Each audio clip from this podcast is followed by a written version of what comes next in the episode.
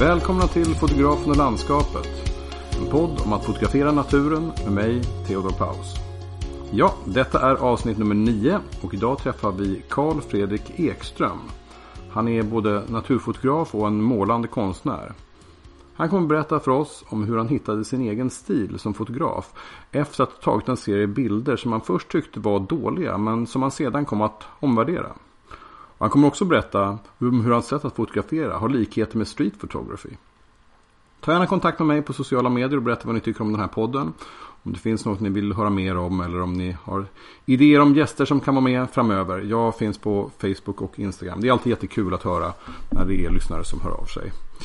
Det finns också som ni kanske har hört talas om en Facebookgrupp för podden som ni är välkomna att gå med i. Där berättar jag om kommande gäster och vi fortsätter samtalen mellan avsnitten. Och om du gillar den här podden och vill höra fler avsnitt, glöm inte att prenumerera i din poddspelare så missar du inget avsnitt. Länkar till mina konton, Facebookgruppen och till Karl Fredriks hemsida med mera finns i anteckningar till poddavsnittet. Och om ni tycker att ljudet i det här avsnittet börjar låta lite annorlunda ungefär halvvägs in så beror det på att Karl Fredrik och jag var tvungna att avbryta inspelningen vid ett till för att ta upp tråden igen. Hoppas det ska bli okej ändå. Med det sagt, låt oss börja dagens avsnitt. Välkommen till fotografen och landskapet Karl Fredrik Ekström. Tack. Vad trevligt att ha dig ombord på detta nionde avsnitt av denna podd. Um, du sitter någonstans i Stockholm. Stämmer det? Ja, ja det stämmer. Jag är, bor eh, i Enskede precis söder om, om Stockholm. Här. Och det är ju också väldigt fånigt att vi pratar så här online. För att jag bor ju också i Enskede och sitter i en annan del av samma stadsdel. så att, eh, men, men så har den här poddens teknik eh, varit utformad. Att, jag, jag har en tanke att ja. någon gång ska jag kunna också göra intervjuer liksom face to face. Jag tror det blir en annan dynamik. Men eh, i nuläget så får vi sitta och prata eh, över internet trots att vi befinner oss ganska nära varandra.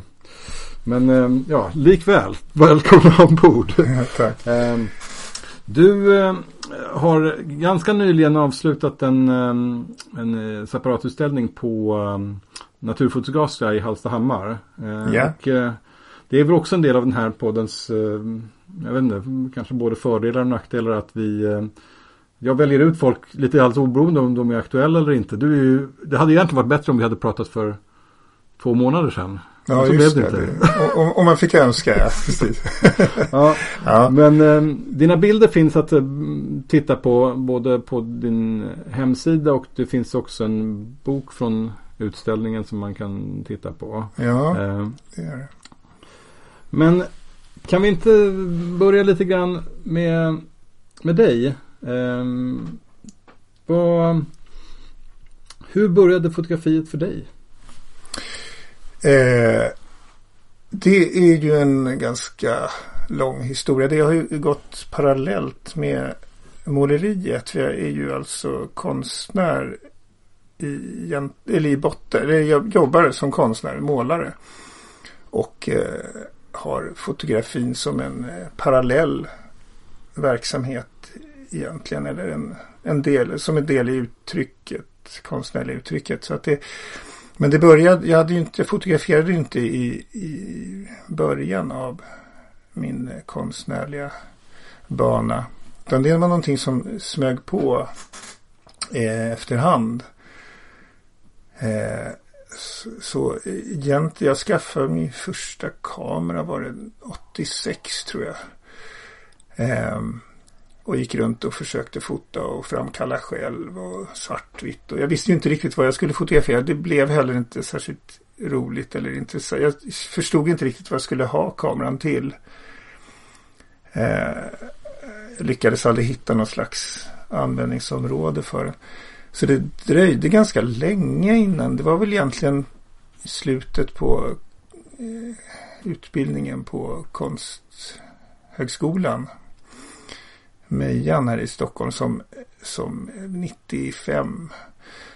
Som jag egentligen började eh, förstå att jag kunde använda kameran till natur. För att det, eh, det var ju ett intresse som har följt med ända sedan barndomen, det naturintresset. Eh, ända tills konsten på något vis tog över mitt allt intresse där. Så, sen vaknade till liv naturintresset igen på 90-talet och då, då föll det sig plötsligt eh, att, så att jag insåg att jag kunde faktiskt eh, fotografera naturen som jag var intresserad av. Eh, så att det är väl egentligen från efter Konsthögskolan som jag har fotograferat. Från 95 där ungefär kan man säga. Men vi måste nästan gå ännu lite grann längre tillbaka i tiden här. Vad, vad var det som fick dig att söka till Konsthögskolan till att börja med? Ja, det, inför det här samtalet här så har jag funderat lite grann på hur måste man ju gå tillbaka och rota lite grann hur, hur, hur saker har gått till egentligen. Eh, jag har ju en förmåga har jag märkt att inte att jag har någon slags mentala spärrar tror jag för att eh, komma för inse vad jag kan ha göra för sak, att även jag kan göra viss, alla möjliga saker som andra gör. Så har jag varit hela min, eh, mitt liv egentligen. Att eh, jag har ju inte jag växte upp i mitt hem. Det var mycket, väldigt stort konstintresse och sådär. I familjen? ja, i familjen ja. Eh, jag, men jag var ju naturintresserad. Djur, jag tyckte om djur och sådana här saker. Eh, var väldigt intresserad. Jag bodde i, upp, växte upp i Vasastan där. Så att det var ju inte mycket naturupplevelse för mig. Vi, min familj är ju inte någon eh, naturfamilj så. Utan det är en riktig stadsuppväxt sådär. Jag hade parkerna där, Vasaparken och sådär. Som, eh, som, eh, som eh, var min natur sådär då. Eh, så jag har liksom aldrig tänkt på hur det att det, eller det, det, det är mycket som, som egentligen inte har eh, jag har liksom inte dels med naturen att jag, jag visste ju inte att man kunde ge sig ut i naturen ens och uppsöka den på andra, annat håll. Liksom. Det var något, Men i Vasaparken? Ja, med, utanför Vasaparken ja. Det, det blev som en, eh, något slags sagomystik kring naturen sådär. Alla märkliga djur som fanns någonstans. Som inte jag kunde se på något vis. Eh, och eh, det gäller lite grann med konsten där också tänkte jag för att komma tillbaka till det. Att eh, det hade jag aldrig slagit. Jag ritade, tecknade massor när jag var barn. Eh, hela tiden, konstant. Eh, men jag hade ju liksom aldrig tänkt att det där kunde användas till något på något sätt så.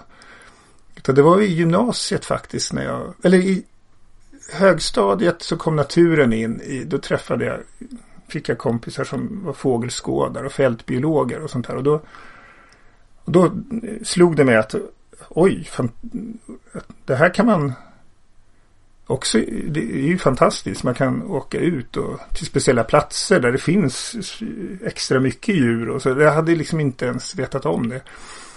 Eh, och i, i eh, gymnasiet sen kom, eh, blev jag klasskamrat med en som blev, kom att bli en av mina bästa vänner som målade redan då.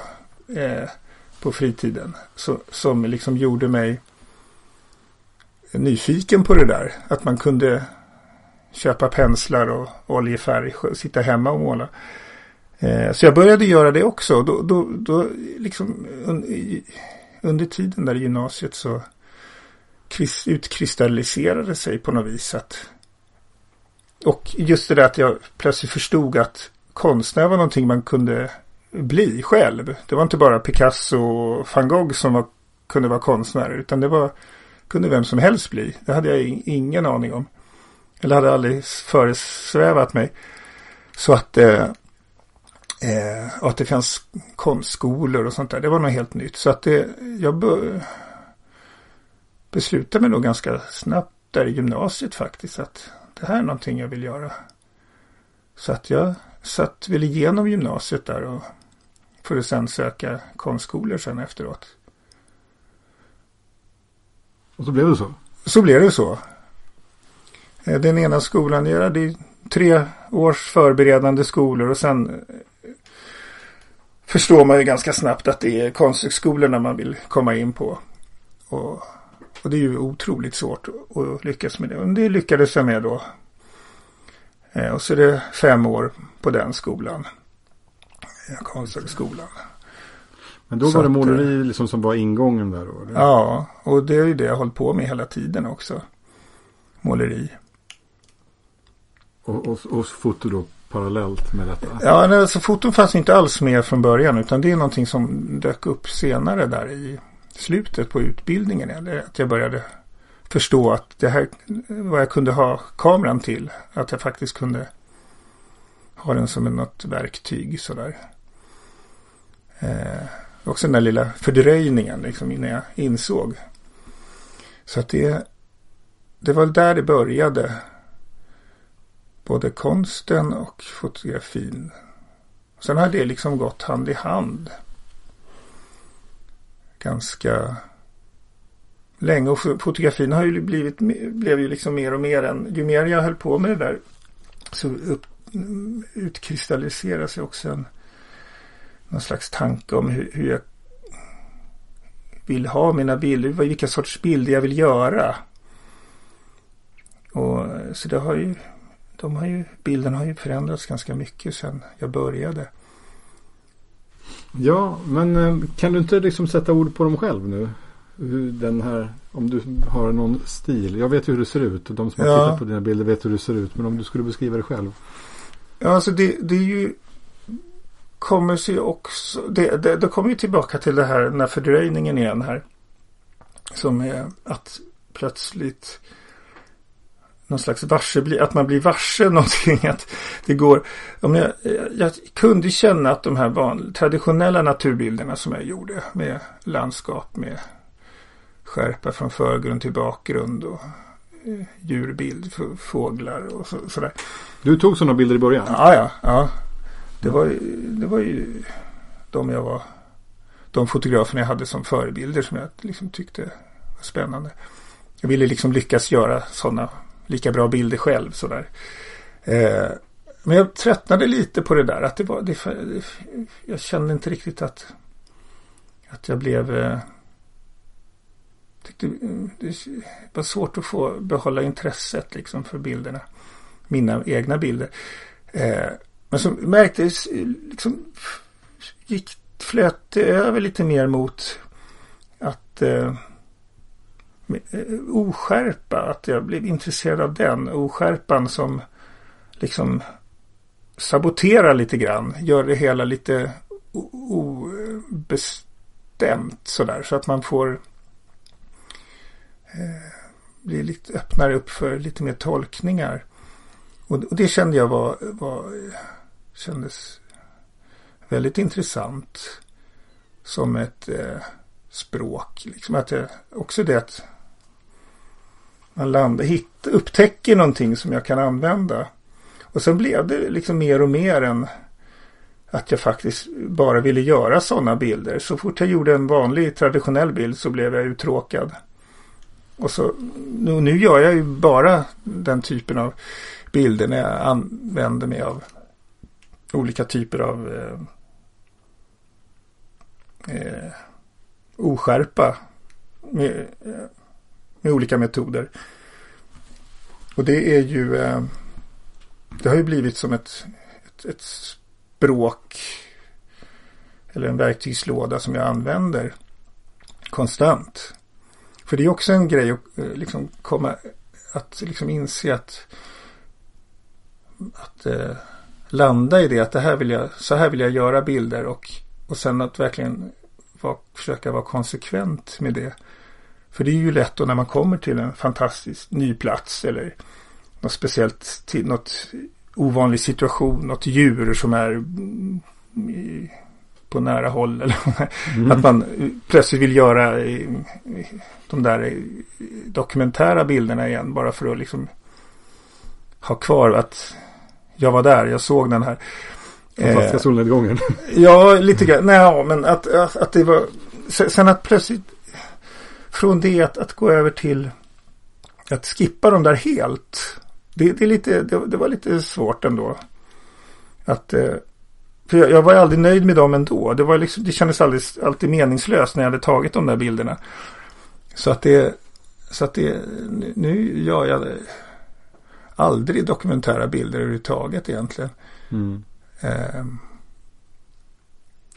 Får jag, får jag tolka dina bilder lite grann? Ja. Uh, nej men alltså, jag har inte sett hela din katalog på något sätt. Men, men det som uh, slår mig när jag ser dina bilder är ju att uh, förutom att det, det, det, är rätt mycket liksom medveten oskärpa i dem. Så är de ju ofta ganska det blir ganska mörkt liksom färgspråk i dem om man säger det. Och sen så är det lite eh, det, det, avviker rätt mycket från traditionell komposition också tycker jag. Eh, I alla fall i den bemärkelsen av hur, hur landskapsbilder brukar se ut. Liksom det, mm. eh, och också en del, ibland så ser det nästan helt utfrätt ut någonstans. Och liksom, det känns som att du på något sätt inte känner dig så bunden av liksom, hur en bild av naturen man säger, ska se ut inom citationstecken. Att du liksom har något ganska eget sätt att göra på. Och ibland, så, ibland är det vackert och ibland så är det nästan lite grann åt det fula hållet. Liksom. Men det, det, det har liksom andra kvaliteter då. Eh, mm. I alla fall så som jag upplever det. Mm, mm. Ja men det är rätt intressant. Sant, um, alltså jag, jag har ju en... Uh, tänker att den där kopplingen till måleriet kommer ju igen hela tiden tycker jag på olika sätt. Eh, I, i det här fallet så tänker jag nu också lite grann på hur jag, mitt måleri, hur jag började måla på det sättet som jag målar. Också mm. i slutet på, alltså man går ju fem år på eh, Konsthögskolan. Och eh, som det i alla fall var på den tiden, nu tror jag det ändrats lite, men då blir man alltså, ja, det som kallas Mejan. Eh, då blir man alltså satt i, man blir liksom lämnad i, i fred. Och så ska man plötsligt för, förstå vad man håller på med. Det blir som en eh, process där att eh, komma underfund med varför man gör bilder och vem är. Och så finns det professorer där förstås som stöd och med erfarenhet och som kan som kommer och man får prata med. Men man är ganska mycket lämnad ensam. Eh, och, och, det där är ju en lång process då förstås innan man man kraschar ju rätt rejält då när man börjar på en sån skola. Från att som vanligt med såna här typer av eh, eh, skolor att när det samlas folk som har varit bäst i klassen på sin tidigare eh, skolan och så samlas alla, blir, blir alla medelmåttor på något vis. Mm, mm. Och, och, och då, då blir det så uppenbart att det räcker ju inte med bara vara duktig, tekniskt duktig. Det, det är ju alla här. Liksom. Så det, det, det är ju det är inte... Man, man, måste ju vilja någonting annat. Och, och då tvingas man liksom att försöka förstå vad varför man vill göra bilder och vilka bilder man vill göra. Och kanske rota i sig själv. Och, på, och, och de flesta kraschar ju där i början på utbildningen. Och så tar det olika lång tid för olika människor att resa sig och hitta någonting. Och för mig tog det ju fyra år ungefär innan jag hittade någonting. Man söker ju och provar saker och, och utse olika eh, typer och, av utseenden. Eh, som som eh, till slut väljs bort för att det, det blir för dåligt. Helt. Det, det, och så, eller det är inte eget. Det gäller ju liksom att det där att inte upprepa bara blint vad andra har gjort. Det är ju ingen mening med om någon eh, att bara kopiera i, i, i, tillför liksom inget nytt utan eller personligt sådär. Utan det gäller ju att hitta det där personliga och göra det. Och, och det är det som är så fruktansvärt svår process. Och där någonstans började jag med, eh, fjärde året att eh, göra helt, måla helt, ha vita dukar, lämna hela duken vit. Så helt mot allt jag gjort tidigare. Och bara måla en liten bit av, av duken. Och, och, och det där tyckte jag kändes otroligt märkligt att göra sådär. eh, För mig. Och, och, och sen utvecklade jag hela det där. Blev det som liksom en vita målningar med olika former på. Organiska former som liksom blev som Mm. eh, som inte alls följde eh, klassiska kompositionsregler där med gyllene snitt och annat. Utan det handlar mer om att väga upp en, eh, en balans. Liksom. Har man någon tung form till höger så kan det kännas jättetomt till vänster. Men beroende på hur formen ser ut så kan den liksom fylla ut vänstersidan ändå. Så det blir balans. Och det, det går liksom att jobba Det- mycket med det, Det där. där var någonting och- som du utvecklade liksom. Förlåt. Ja. Det där var någonting som du utvecklade då och som du har tagit med dig sen då. Ja, det är det jag tänker att då, det har nog följt med in i fotografin lite grann. Att jag inte bryr mig om riktigt de här eh, kompositionsreglerna.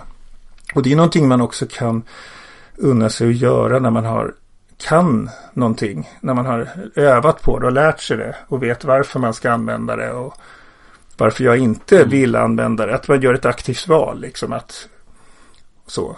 Så är det ju med all kunskap egentligen att när man väl har kunskapen kan man också välja att inte använda den. Alltså, jag har ju också en bror som har gått samma utbildning eh, som du faktiskt. Alla utbildningar som du har gått har även han gått. Att, eh, även de förberedande skolorna. Så han, jag, jag känner igen den här berättelsen från honom. Liksom, hur, man, hur svårt det var att komma in på, på Konsthögskolan. Och sen när man satt där så fanns alla resurser. Och ingen sa till en vad man skulle göra. Och så Mm. fick man tänka Mm. själv. Liksom, och så var det jättejobbigt. Men förhoppningsvis, i de bästa fall då så, så hittar man något eget uttryck som du verkar ha gjort. Då. Ja, just det. Just det. Ehm, Men kan du inte berätta hur du har tagit det här vidare i ditt naturfotografi? Jag har ett föredrag jag brukar, bildföredrag jag brukar visa ibland. Där jag har en bild med som är från Gotska Sandön i 98 eller något sånt där tror jag. Eh, och det var en sån här strålande solig dag klockan 12 på dagen och det var meningslöst att fotografera kommer jag ihåg. Då, då gjorde jag traditionella bilder. Men eh, då låg jag där i, på någon sandig slänt med backsippor som blommade i motljus. Och jag vet att jag fotograferade igenom massa gräs och höll på där. Eh, och började experimentera och på, det var på dia-tiden så när, jag sen fick bilderna här så kändes, kändes de där bilderna så fruktansvärt bortkastade pengar på dem. Eh, jag tyckte det var jättedåligt men eh, ganska ett, ja, det gick några år där så när jag såg de där bilderna igen så började jag inse att de där bilderna var trots allt bland de bättre jag tog, gjorde från, på den resan där. Eh, som lyckades förmedla någon slags stämning som de traditionella bilderna jag hade tagit saknade. Eh, så det där var väl också någon slags väckarklocka lite grann att jag kunde göra på det sättet. Eh, och eh, allmänt kan man ju säga när, när jag arbetar med oskärpan här så är det ju viktigt att att det eh, det eh, finns en skärpa med också. Det, det får inte bara vara oskarpt för då, då tappar man intresset. Det finns en eh, en eh, det,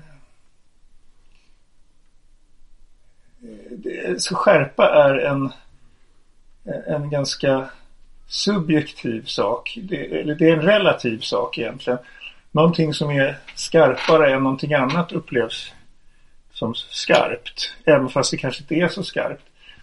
Så mina detaljer, delar av mina bilder som känns skarpa är, är inte alltid särskilt skarpa om man nu ska ha traditionellt öga på skärpa. Nej, det, det behövs en blandning för att de ska liksom... Ja, om, om allt annat i bilden är väldigt oskarpt så upplever man det där som väldigt mycket skarpare och då, då fungerar det som en eh, en, en, eh, en, en eh, intressefångare liksom. innan det här, vi hade det här samtalet så skrev du ett litet eh, kort text till mig. Du skickade över lite bilder och, och jag tycker det var väldigt spännande. Du skrev hur du själv beskriver ditt arbete. Jag tänkte, får, får jag citera lite grann utifrån det som du har skickat till mig här? Ja, ja, jag det, kommentera. Ja. Ehm, så här skriver du. I mitt arbete söker jag efter det anade eller förnumna. Både i måleri och fotografi. Genom måleriets möten med slumpen gestaltas, dold, eh, eh, gestaltas erfarenheter dolda i färgimprovisationer. Kan du inte berätta lite grann vad du menar med det? Där eh, syftar jag mycket på måleriet. Som är färgimprovisationerna. Men eh, när jag egentligen tänker efter så blir fotografin också en typ av färgimprovisationer. Fast från ett helt annat håll. Eh, för mig fungerar måleriet eh, eh, där måste jag skapa bilderna själv med färgen. Det, jag måste sätta dit bilderna eller färgen på ett sådant sätt så att det uppstår någonting som jag blir intresserad av. Eh, när jag fotograferar så måste jag liksom gå ut och leta, hitta eh, färgerna och bilderna och formerna och liksom få dem att fastna på eh, sensorn i eh, så att, på ett intresseväckande sätt i egentligen samma process fast från olika håll känner jag det som. Och, och, det är väl klart att man kan kalla mina fotografier för färgimprovisationer också. Om jag inte har skapat eh, förutsättningarna för bilderna. Det är ju, det är ju liksom, det är ju inte stilleben som jag har ställt upp utan det är ju någonting som finns ute i naturen som jag hittar liksom. Eh, Vad betyder det här med det anade och det förnumna? Jag känner på något vis att, att eh, det finns någonting som jag känner när jag är ute i naturen så kan jag känna att jag, att jag förnimmer någonting hela tiden som kanske inte alltid är uppenbart, som inte eh, syns. Som, men som ändå kameran lyckas fånga ofta. Som jag fascineras av.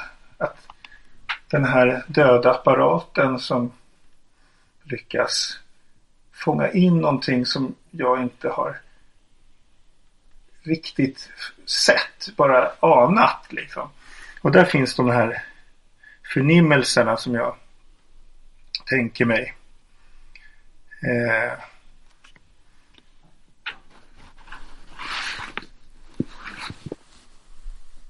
vad kan det vara för typ av förnimmelse? Vad kan det vara för typ av förnimmelse som du... Hur kan, går, det, går det där att liksom beskriva mer i detalj? Förnimmelserna är ju egentligen, det är ju sinnesförnimmelser egentligen som, som eh, det handlar om. Alltså saker, känslor, synintryck, eh, hur, hur, man känner eh, eh, ja, med sinnena på olika sätt helt enkelt.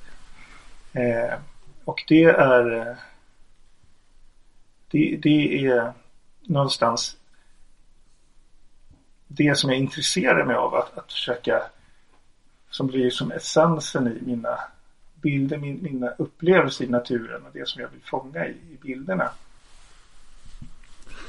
Du skriver också så här. Eh, I mitt bildskapande är varje bild, målerisk såväl som fotografisk, en inre resa där målet är igenkänningen. Återseendet av våra gemensamma minnens platser Platser som tog sin allmängiltighet är djupt personliga. Som trots sin allmängiltighet är djupt personliga. Mm. Det låter ju oerhört poetiskt skrivet. Berätta mera.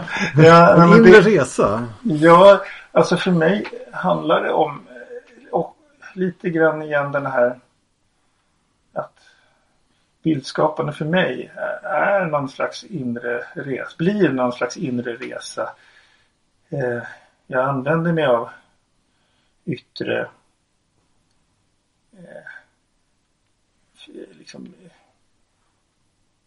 faktiska eh, saker som finns runt omkring mig för att liksom gestalta någon typ av inre upplevelse. Någon slags in, och den där, att för att få tag i de där upplevelserna så måste jag på något vis göra någon inre resa. Det låter eh, lite knepigt kanske men det, någonstans är det återigen det där som jag upplevde på Konsthögskolan det där när man verkligen måste hitta någonting som man vill förstå vad det är, varför man håller på, vad det är man vill egentligen. Och att man ofta landar då i någon slags grävande i sig själv. I, för att förstå sig på vem man är, vad man vill. Och då blir det som någon slags inre resa överhuvudtaget känner jag när jag skapar mina bilder.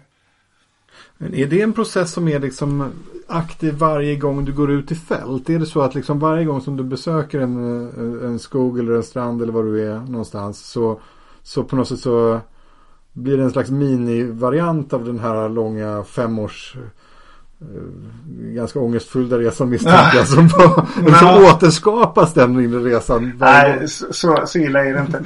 Men, eh, men det blir på något vis att man ja, efter den här resan så blir man eh, är rikare på erfarenheter som man kan använda sig av.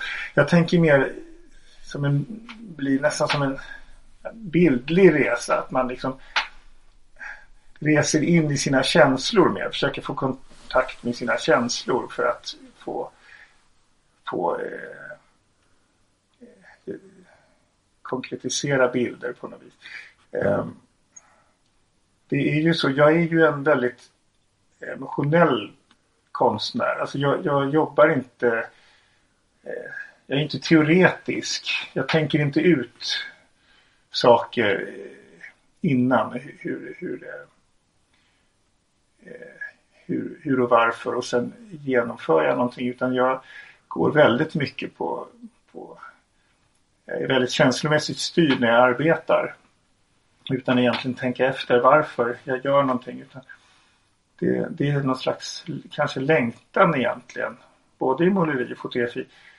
Efter någon, någon, någon typ man saknar av, saknar utifrån det, det som finns framför mig. Jag ser där är blått eh, och det, jag saknar något gult kanske och sådär i måleriet och i fotografin så kan jag ju känna att här, här finns något intressant men så kan jag liksom och det där är en omedveten process på något vis. Det, ingen, det går inte att styra riktigt för att då, då blir det inte spontant längre utan då blir det uttänkt och uträknat och då tappar man någon slags eh, någon slags eh, Utan det sker där och då liksom? Ja det sker alltid där och då. Jag har ju aldrig skissat till exempel. Inte i måleriet eller i eh, inte i fotografin heller. Många tecknar ju upp hur man tänker sig att bilderna ska se ut och sådär och så går man ut och gör det. Utan jag, jag jobbar hela tiden eh, på språng liksom. Mm. Det, det, kommer till mig och så tar jag ställning till det då, bra eller dåligt. Och så kom, får, får jag hela tiden ta händer, jag gör någonting som leder någonstans och så får jag ta ställning till det. Det är alltid skarpt läge liksom. Ja, på något sätt blir ja men det blir ju det. Och, och framförallt ett väldigt flöde som pågår hela tiden. Som eh, varje bild blir liksom en, när jag känner att den här bilden blir färdig. Så eh, avslutas den och sen fortsätter det liksom. Så nästa bild blir liksom en fortsättning på den förra lite grann. Så att det, jag, jag, jag har lite svårt att jobba i projektform till exempel. Att jag tänker ut en, en sak som eh, jag ska göra och det ska ta ett år och så genomför jag det. Och så, sen går jag vidare på tänka ut någonting annat som jag gör när det projektet är slut. Så det, jag har svårt att, tänka på det sättet. Utan det, det är ett ständigt flöde liksom. På det sättet så är det ju verkligen extremt annorlunda än den eh, gäst som var med i förra avsnittet som ännu inte är publicerat men som Helene Schultz som som eh, beskrev hur hon jobbar liksom många, många månader med research liksom och sen så tar hon sig till en plats och sen så kanske hon tar fyra bilder och sen så åker hon hem och sen så är det slut. ja, just det. Just det. det är roligt att du nämner Helene Schmitz. Hon är ju, henne har jag ju tänkt att tipsa om som eh, en konstnär som vore intressant att höra i podden. Men nu har jag förstått det, att hon, hon är upptagen redan. ja, lite grann så. Men, men kan inte du berätta hur du jobbar liksom, praktiskt också? För det vore, hur, liksom, är du ute mycket? Liksom, är du, liksom, väljer du dina platser med omsorg? Hur går det till? Liksom? Ja, det, det här är ju en grej som blev väldigt rolig när jag fann det här sättet att jobba på. För att det innebär ju att jag egentligen kan fotografera när som helst och var som helst. Eh, jag kan alltid egentligen gå ut och, och, få med mig bilder som på något, även om det inte blir så många så blir det alltid någon som blir, blir intressant att spara. Eh, I och med att det händer så mycket i bilden när kameran registrerar under eh, den här rörelsen. Eller, eller vad det nu är på olika sätt. Jag har, jobbar ju också mycket med mattskivor till exempel.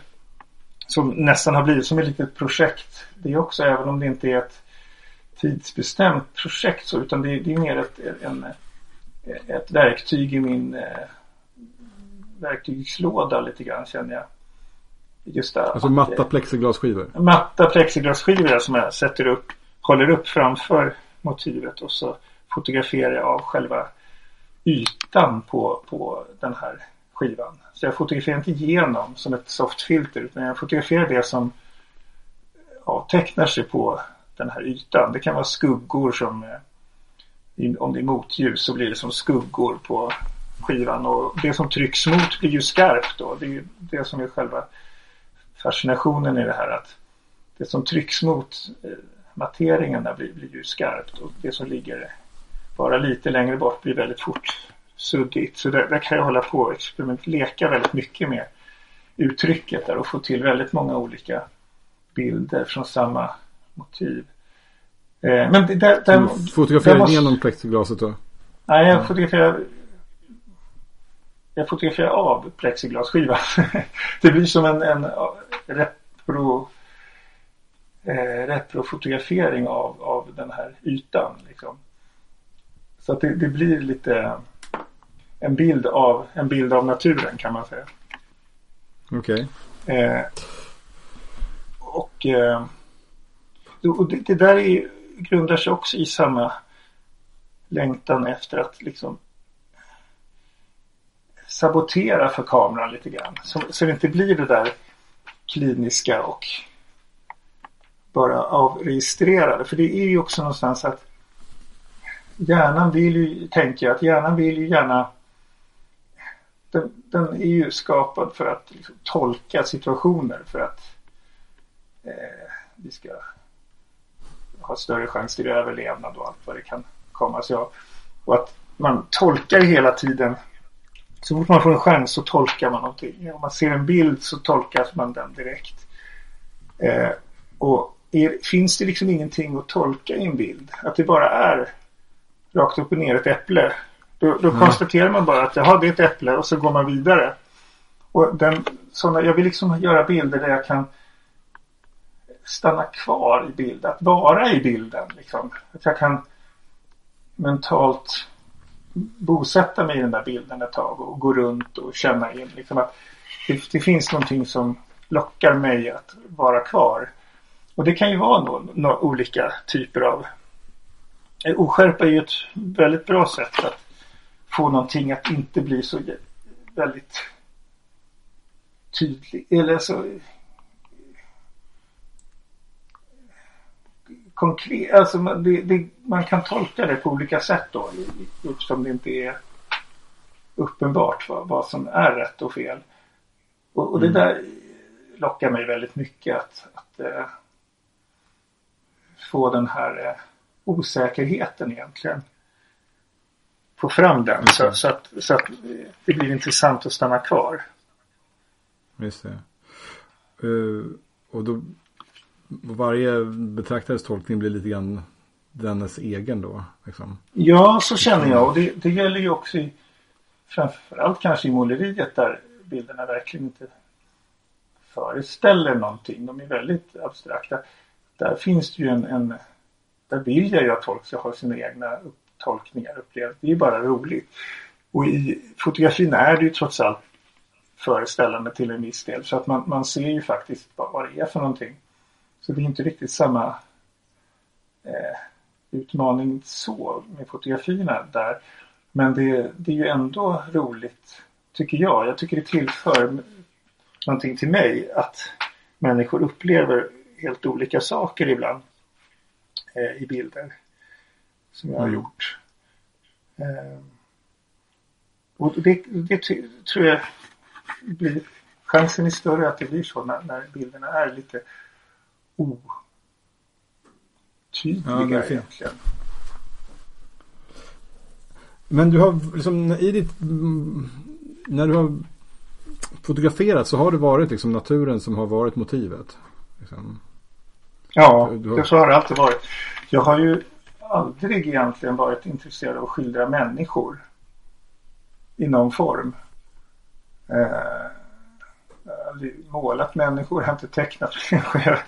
ja, utom i, på skolorna när man var tvungen att teckna modeller och sådär. Men jag har liksom inte varit intresserad av att skildra mänskliga förehavanden. Liksom, utan det, det, har varit naturen som har, ända sedan jag var liten, som har intresserat mig. Och, och, och, och det, ja, det blir som någon slags den här yin och yang grejen där med natur och kultur som är varandras motpoler egentligen. Att natur, naturen, eller kulturen är ju, betyder ju odling. Och, och det är liksom människans odlade, tuktade ordning. Och naturen är då det där vilda som människan inte har tuktat.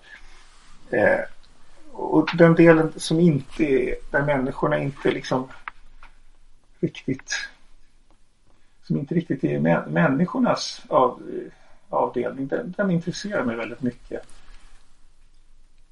Även om nu naturen bokstavligen talat är väldigt påverkad av människor precis överallt. Men, men rent tankemässigt så är det ju ändå en två olika delar där.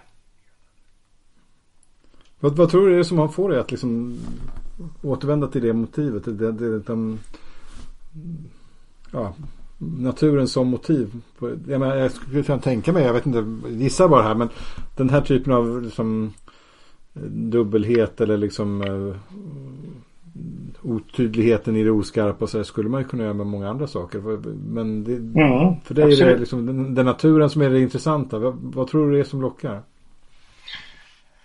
Jag tror att det är så att det man verkligen är intresserad av, det som verkligen engagerar en, det är det man har möjlighet att göra bra bilder av. Eh, jag kan inte göra, eller har aldrig lyckats i alla fall, få till bra bilder av människor som jag är nöjd med.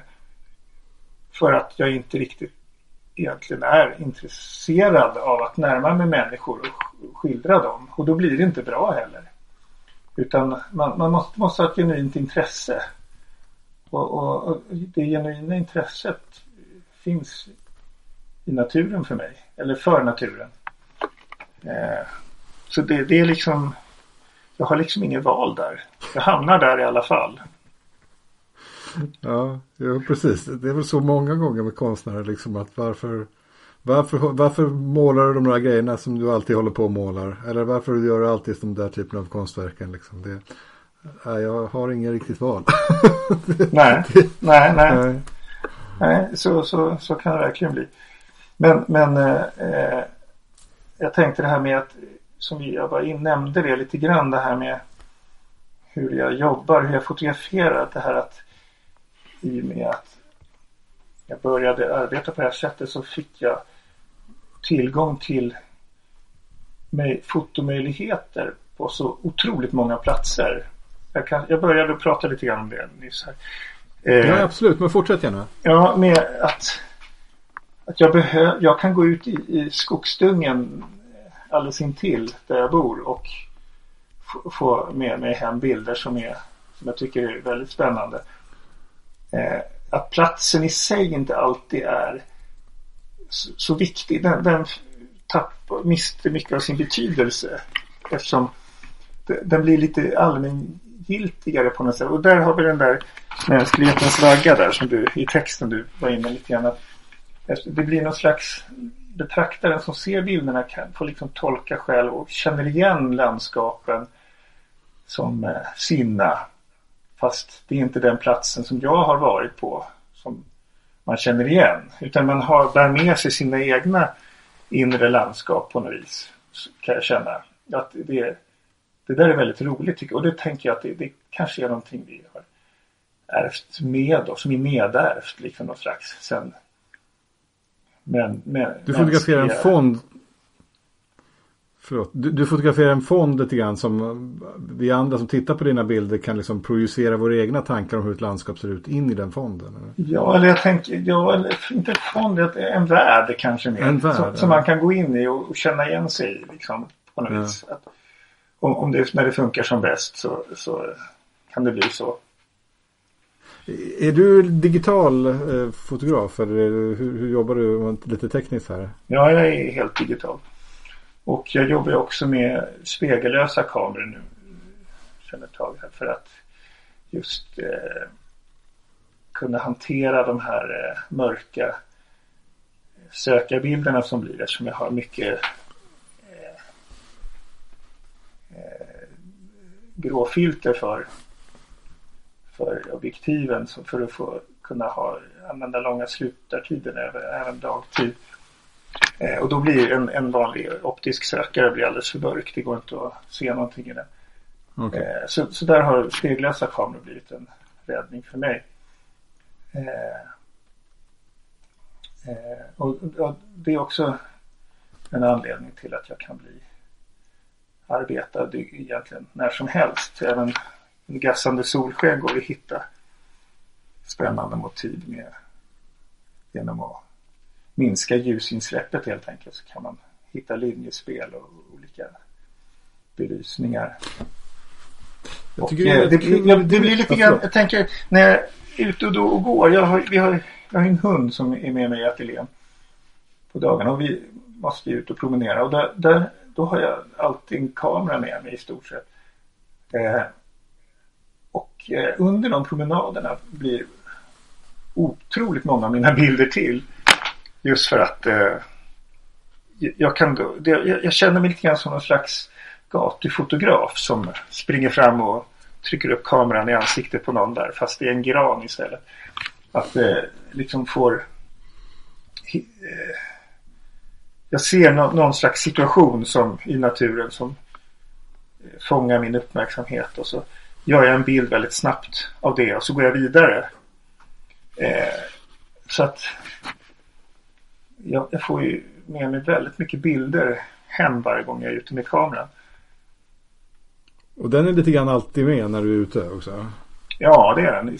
Nu har jag till och med upptäckt att jag kan jobba med telefon, eh, mobilkameran med appar där jag kan använda lång slutartid. Det blir inte riktigt godtagbar kvalitet alltid men det blir förvånansvärt bra. Och att och då blir det ännu mer att jag kan verkligen eh, fånga bilder precis precis var som helst. Utan att behöva tänka på att ta med mig kameran. Så att det, det, det jag, jag är lite också lite prestigelös när det gäller utrustning. Att det blir inte så viktigt att ha det största och bästa och dyraste på något vis eftersom man inte har, använder sig av det riktigt. Är, är några av de här bilderna som du har ställt ut, är det tagna med din mobil? Nej, det är det faktiskt inte. Det, det, det, det, det är inte så länge jag har hållit på med mobilen utan det Men det skulle kunna hända. Kan jag tänka mig. Ja. Um, i den här utställningen som du har haft på, eh, i, eh, på Naturfotografiska så eh, du skrev lite grann om den också. Och jag, jag, jag tycker det är så kul att läsa det som du skriver. Jag tänkte jag läser upp lite grann om det, det vad du skrivit om de bilderna också. Där skrev du eh, för utställningen heter då åter, återsken och viskningar. Och I återsken och viskningar gestaltas med kamerans hjälp den subtila upplevelsen av att i naturen stå inför ett kollektivt arv av det ursprungliga landskapet från mänsklighetens vagga. Frågor som ställs om hur vi kognitivt samlar information om omvärlden. Vad är det vi ser och varför ser det ut som det gör? Hur påverkas våra intryck av förutfattade meningar? Kan kameran uppfatta skeenden som är svårtydda för det mänskliga ögat? Det här är, mm. En del av de här sakerna har du kanske varit inne lite grann på tidigare. Ja, men, eh, var det något särskilt som du ville visa i de här bilderna? Eller är det en fortsättning liksom på det som du har gjort tidigare? Ja, alltså lite grann tänker jag mig att den här eh, förmågan som kameran har att fånga bilder som jag inte ser bokstavligen. De finns ju egentligen inte förrän de uppstår i kameran. Eh, det intresserar mig väldigt mycket det där att det, det jag ser är, är det någonting som egentligen finns. Det jag inte ser är det någonting som inte finns. Eller, det, och, och, det kan också jag tänker också att man det man ser är ju också någon slags eh,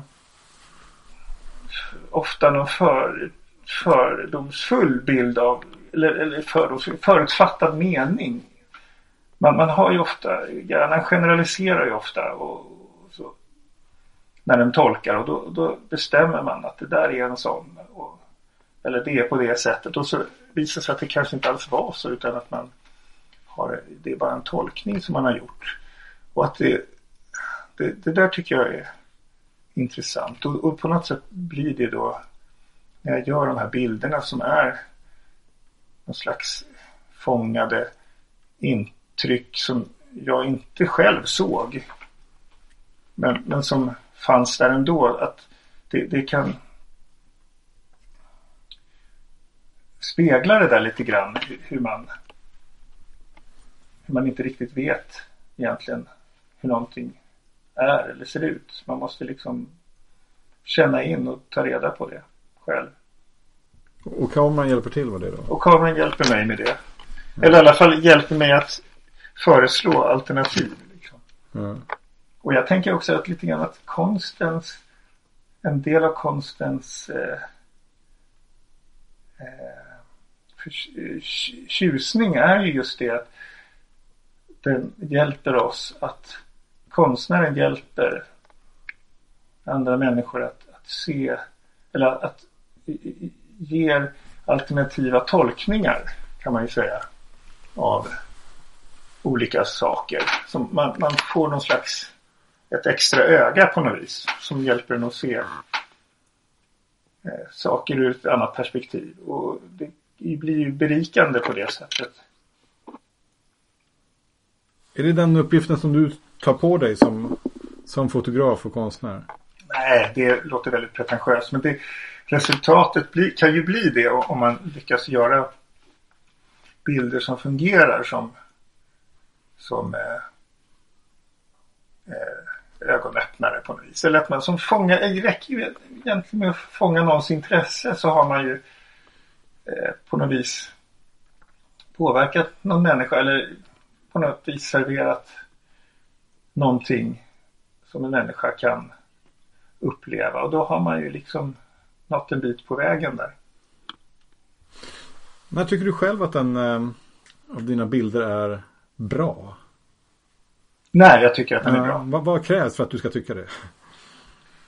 Ja, det, det är ju så lite olika på vilken typ, vilken karaktär bilden har. Um, det finns ju den, de har ju de, de måste ha någon typ av tydlighet någonstans, någon skärpa men samtidigt så pass mycket otydlighet, osäkerhet. Så att eh, det blir spännande på något vis. Och sen är det ju också färg och form för mig. eh, hur färger fördelar sig på bildytan. Hur, hur, hur eh, riktningar går och hur eh, ytan är disponerad och sådär. Som är, är viktigt att det stämmer på något vis. Och jag tänker ofta på det här med att ha någon typ av skav i en bild för att göra den eh, intressant på något sätt. En bild utan skav är, är ju som bilden på äpplet. Det, det är bara en ett äpple rakt upp och ner. Men är det någonting då som inte riktigt stämmer eller någonting som fördröjer hjärnans tolkning på något vis. Det är det jag kallar för skav. Att eh, man dröjer sig kvar där för att det är någonting som är stör lite grann på något vis. Det kan ju vara, behöver inte bara vara negativt men eh, då eh, är bilden, eh, har, har den någonting som jag intressera mig för. Det, det är någon som har berättat för mig, någon som hade någon parfymfabrikant eh, eh som blev tillfrågad om att göra den bästa doften. Då att man kan inte bara om man vill göra en parfym som doftar rosor så duger inte bara att ta rosendoft för det, det, blir bara sött och gott. Utan man måste lägga in ett litet uns av något otäck. En liten elak doft också. Som, bara, som inte märks men som bara anas. Och det är det där skavet tänker jag. att det liksom förhöjer upplevelsen på något vis. Ja. Det, det, kanske var det som jag kallade att det fanns något lite fult ibland också. Ja, just det. Kanske det. Ja, ja absolut. Jo, men för det, det, så kan det absolut vara. Att det, bilder som bara är vackra tappar jag fort intresset för på något vis. Så att det, det där fula är ju, ju alltid lite lockande på något vis. Även, även om, om det bara... Det måste vara någon balans där tror jag. Det får inte bara vara fult, då blir det inte roligt heller. Nej. All in moderation. Ja. ja men eh, det var roligt. Ehm, du, vi börjar närma oss slutet av det här eh, avsnittet. Ja. Ehm, men eh, jag har några frågor kvar och jag tänkte en fråga som jag brukar ställa är Vilka tips har du till andra fotografer som vill utvecklas inom sitt fotografi? Ja, eh, det första jag tänker på egentligen är ju att man aldrig ska göra bilder för någon annan. Man måste alltid göra bilder för sig själv. Till en själv. Som, som jag själv, som intresserar mig. För är det så att bilden intresserar mig så finns det alltid eh, hopp att den kan intressera andra människor. För vi är ju inte trots allt så väldigt olika.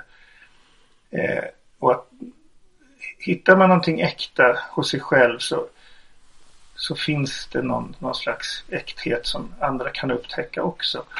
Och då känns bilderna mer angelägna.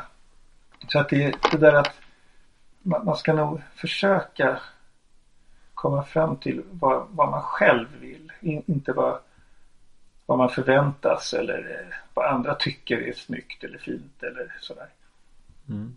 Och det, det är ju någonting i fotovärlden som är ganska vanligt i fotoklubbsammanhang och sånt där. Att det förväntas vara på ett visst sätt och det ska se ut på ett visst sätt och det ska sådär. Att det, jag är inte säker på att det alltid är så, så fördelaktigt liksom för bildskapandet. Utan Nej, och publicerar man sina bilder på sociala medier så finns det också liksom utvärdering av andra ganska direkt också. Ja, ja. Så är det ju förstås. Det är lätt att tycka mm. saker. Men, men det, det, eh, det där, det, det är nog viktigt att eh, vara äkta, att känna att det här är någonting som säger något om mig. Vad jag vill. Det, det är lite svårt att hitta men det, det är nog viktigt att man gör det tror jag. Mm. Man får gå fem år på konsthögskola och liksom ha lite ågren. Och sen så kan man hitta det. Kanske. Det underlättar. men, men, eh, men. Eh, man kan eh, försöka ändå. Ja, ja. Eh, jag tänker att. Eh, ja, nej. Nu kommer jag inte på vad jag... Hade du något annat tips också? Det lät så du satt och sög på någonting mer. Ja. Nej. Det försvann. Okej, okay, försvann. Då, då, går vi, då går vi vidare till min sista fråga. Och det är vilka andra eh, fotografer skulle du vilja se eller lyssna på i den här podden i framtida avsnitt? Ja, det, det finns ju otroligt många duktiga fotografer. Så det är jättesvårt att välja någon framför någon annan. Men eh, det finns ju några som jag sådär spontant tänker är, är, är känns extra viktiga. Helene Schmitz pratade vi om där men, men eh, jag har ju till exempel Josefin Nilsson tycker jag är intressant. En ung skicklig naturskildrare i både ord och bild.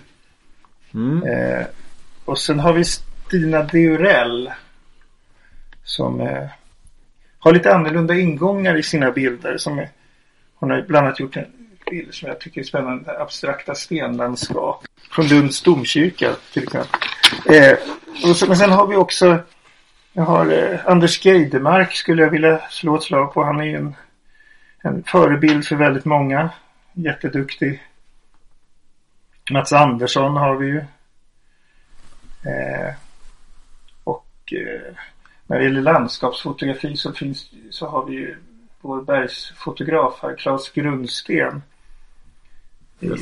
I, en källa av visdom att ösa ur. Och Serkan Güneş finns ju också som är duktig. Det, det finns ju jättemånga så det, det är ju varje namn man, nämner så har man förolämpat någon annan. Ja, ja, ja, absolut. Det, det, får inte bli, ingen får ta illa vid att man inte blir nämnd. Nej, just det. Eh, att, så att, för det, det, det, är liksom um, det ska bara tolkas som att vi inte vågar kontakta dem. Um, men för att de betraktas som sådana storheter. Nej men skämt åsido så, så, så finns det jättemånga och jag, flera av dem som du nämner har ju nämnts av andra och står lite grann på min lista av, av, ja. av fotografer som jag Nej. avser att kontakta lite grann i framtiden. Mm, så att eh, stort tack för de tipsen och eh, vad roligt att ha dig med i detta eh, samtal. Och, ja, om, jätteroligt att få vara med. Ja. Överhuvudtaget. Det är jätteskoj att få utveckla sina, sina förvirrade tankar lite grann. Ja, och vi får anledning att liksom, jag misstänker att vi säkert nu när vi har pratat med varandra så kommer vi stöta på varandra på Sockenplans T-banestation ja. eftersom det, det är vi, så kan vi bor så nära varandra. Så att, ja. eh, men um, med det så tänker jag att vi avslutar för idag. Stort tack för att du var med. Tack så mycket. Tack, tack.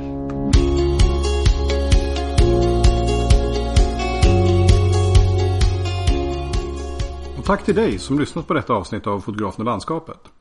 De som känner mig vet att jag ofta klagar över hur svårt det är att hitta intressanta naturmotiv i mitt eget närområde.